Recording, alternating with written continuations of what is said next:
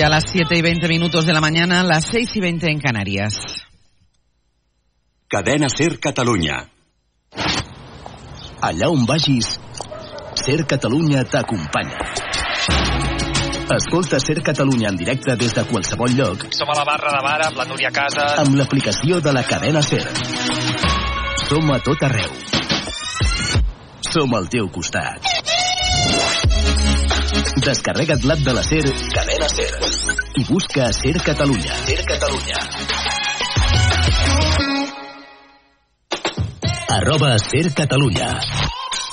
Al perfil de Ser Catalunya trobaràs tot el que passa davant i darrere els micròfons. Posa cara a la ràdio i no et perdis res. Segueix Ser Catalunya a Instagram. Arroba Ser Catalunya.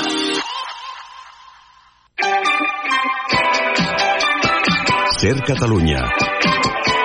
La força de la conversa.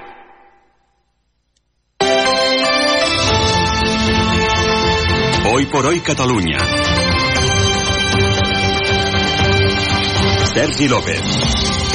Molt bon dia. Fins a 46 policies hauran d'anar a judici per les càrregues policials contra la ciutadania durant el referèndum d'independència de l'1 d'octubre. L'Audiència de Barcelona els investigarà per possibles delictes de tortura, de lesions i contra la integritat moral en 25 escoles de la capital catalana. El jutge instructor del cas ja ha etiquetat les actuacions d'aquests policies de desproporcionades. Ara ho ampliem. Abans anem amb la informació servei. Quin temps tindrem avui, Jordi Carbó? Avui tindrem dos episodis de pluja que afectaran a les comarques de Tarragona, a les de Lleida, sobretot al Pirineu i Prepirineu, i en menor mesura a les de Barcelona. Poca aigua s'acumularà avui a les comarques de Girona. Fins al migdia, pluja feble, després s'obriran clarianes. La pluja més activa l'esperem entre aquest vespre i la propera matinada, que és quan s'acumularan més litres. I demà la pluja afectarà les comarques de Girona i a les de Barcelona fins al riu Llobregat, aproximadament, amb xàfecs i tempistes que descarregaran amb forta intensitat. Temperatures a la baixa i vent fort, això farà augmentar la sensació de fred arreu de Catalunya. Anem ara al RAC. Com està el trànsit? Àlex Huguet, bon dia. Molt bon dia. Després d'una setmana complicada, avui comença una hora punta normal a la xarxa viària catalana, ara amb les primeres retencions a l'àrea metropolitana de Barcelona, com a la C58, amb dos quilòmetres des de Montcada cap al Nus de la Trinitat i la Meridiana, la P7 al Papiol, o l'enllaç de la B23 amb l'A2 a Sant Joan d'Espí. Les rondes, com sempre, sí que van més plenes. Ara la B20 registra 4 quilòmetres d'aturades des de Santa Coloma i el Nus fins a Canyelles i Horta, i la ronda litoral també en sentit Llobregat, ara ja amb cua, sobretot entre Sant Adrià fins a la Diagonal Mar, però també circulació intensa fins al tram habitual de la Barceloneta. És tot des del RAC. Bon dia. Bon dia i gràcies, Àlex. I encara una informació més de servei que anirem seguint durant tot el matí. Carles Couso, bon dia. Hola, bon dia, Sergi. Avui a vaga Renfe i a DIF. Sí, ha estat convocada pel sindicat Comissions Obreres i en el cas de DIF s'hi ha sumat també el sindicat de circulació ferroviari. Això vol dir que en hora punta, fins a dos quarts de deu del matí, a Rodalies circularan dos de cada tres trens dels que ho fan habitualment i a partir de dos quarts de deu només es mourà una de cada, un de cada tres convois fins que arribi la franja de l'hora punta de la tarda, entre les 5 de la tarda i dos quarts de nou del vespre. A l'AVE i als llarga distància hi haurà uns serveis mínims del 73%. Des de Renfe ens expliquen que a aquesta hora el servei va amb normalitat i que els serveis mínims estan preparats per poder absorbir la demanda d'un divendres.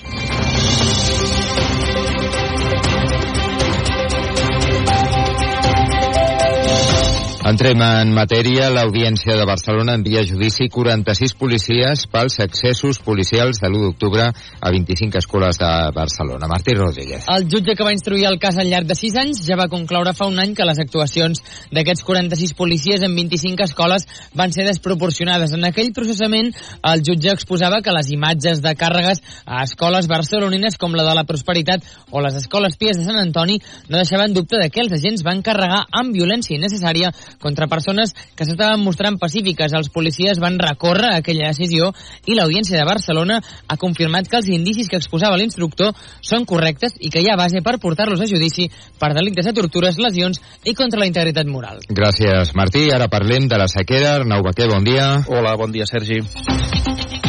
El govern assegura que d'aquí a 6 anys, l'any 2030, ja no necessitarem dependre de la pluja.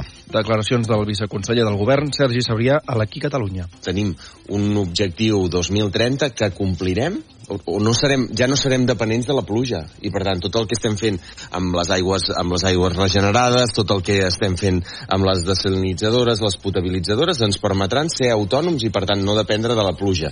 Ho diu la setmana que ha estat i Generalitat en pacte del finançament de les desalinitzadores del Foix i la Tordera, plantes que estaran llestes l'any 2028 i 2029 respectivament. L'especialista en ciències de l'aigua i professora de l'Institut Químic de Sarrià, Maria Uset, confirma la tesi de Sabrià, tot i que ho redueix a l'àrea de Barcelona. Són declaracions a Ser Catalunya. Però si ens referim a l'àrea metropolitana de Barcelona, entre les noves desaladores que estan planificant, entre l'augment de l'aigua regenerada, després la potabilitzadora del Besòs que es pretén duplicar, ah, sí, grosso modo, jo crec que arribem a cobrir les demandes. Auset afegia que tot i ser independents hídricament hauríem de tenir en compte el com afecta la sequera en la biodiversitat. Hoy por hoy Catalunya. Junts per Catalunya reclama al govern espanyol resoldre la negociació sobre l'amnistia amb un acord sobre la mateixa llei. I no buscar vies alternatives com la que el propi Pedro Sánchez va posar sobre la taula de retallar els terminis d'instrucció per als jutges.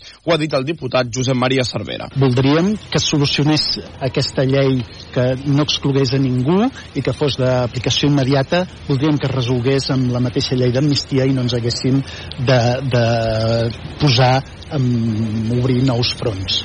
Les negociacions amb el PSOE continuen en marxa i Junts insisteix que les seves esmenes per no excloure el terrorisme ni la traïció de l'amnistia són les que garantiran que tots els encausats puguin beneficiar-se'n. El partit, però, s'ha mostrat obert a buscar un redactat intermig.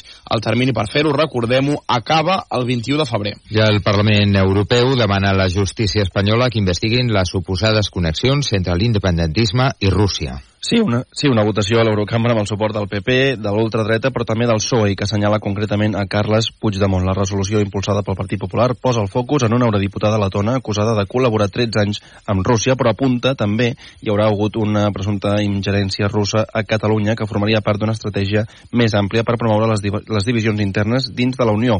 433 vots a favor i només 74 en contra o abstencions que han portat a Carles Puigdemont a sortir del pas i negar qualsevol connexió del qui fou els, el seu govern amb el Kremlin. I entre la política i els tribunals...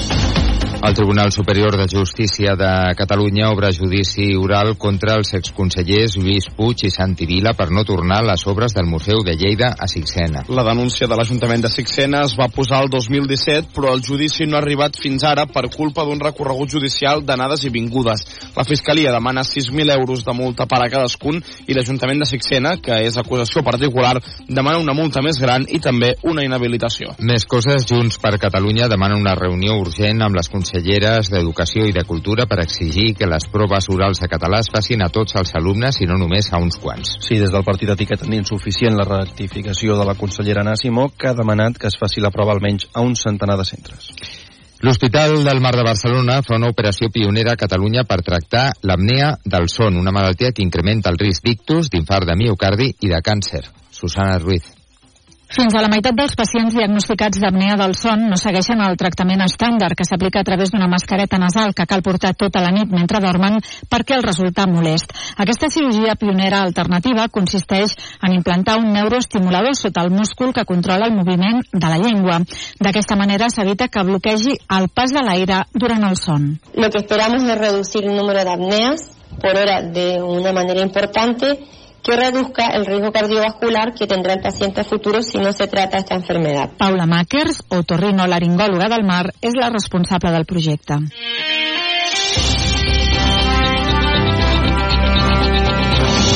Anem ara amb la informació esportiva. L'entrenador del Girona, Mitchell, confia poder comptar amb el golejador Dovic per demà al camp del Real Madrid. Joan Tejedor, bon dia. Bon dia. El davanter ucraïnès encara no s'ha pogut entrenar amb normalitat en tota la setmana, però el tècnic del Girona és optimista en que avui ho provi i es vegi en condicions de ser titular en un partit en què no hi seran encara David López Nidó ni Villa, més dels sancionats i Angel Herrera, David Blin i el propi Mitchell, que no podrà seure a la banqueta, però les absències no li treuen el son. És desproporcionat per mi, però, però ja està. I sense Blin tenim. També hem jugat sense eh, Dobby, sense Víctor, sense Aleix, tota la temporada sense jugadors importants i l'equip sempre ha donat la seva millor versió. Estic tranquil en aquest sentit. El Madrid-Girona, en què hi ha en joc el lideratge de la Lliga, és demà a dos quarts de set de la tarda. En 20 minuts, més notícies de Catalunya. Continueu en la companyia de l'Oi por Hoy.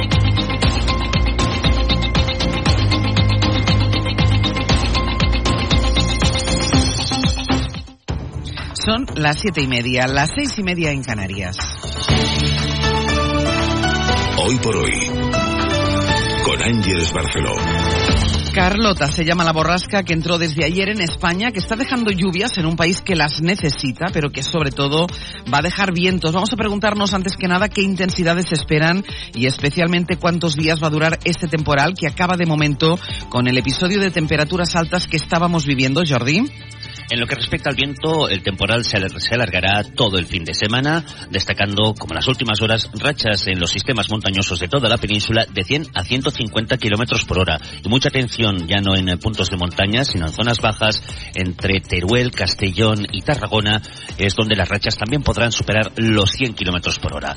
La lluvia caerá en todo el país, eh, pero destacando en Andalucía, en todos los sistemas montañosos, se pueden acumular cantidades de más de 100 litros. Sería la mejor noticia para la sequía, pero en cambio esta lluvia no caería ni mucho menos en el Mediterráneo, con temperaturas a la baja, viento, es decir, sensación de frío, pero también hay que decir que aún así se mantendrán por encima de lo que sería habitual para estas fechas. Vuelvo contigo a las 8 y ya damos el pronóstico concreto para, para entonces, Jordi.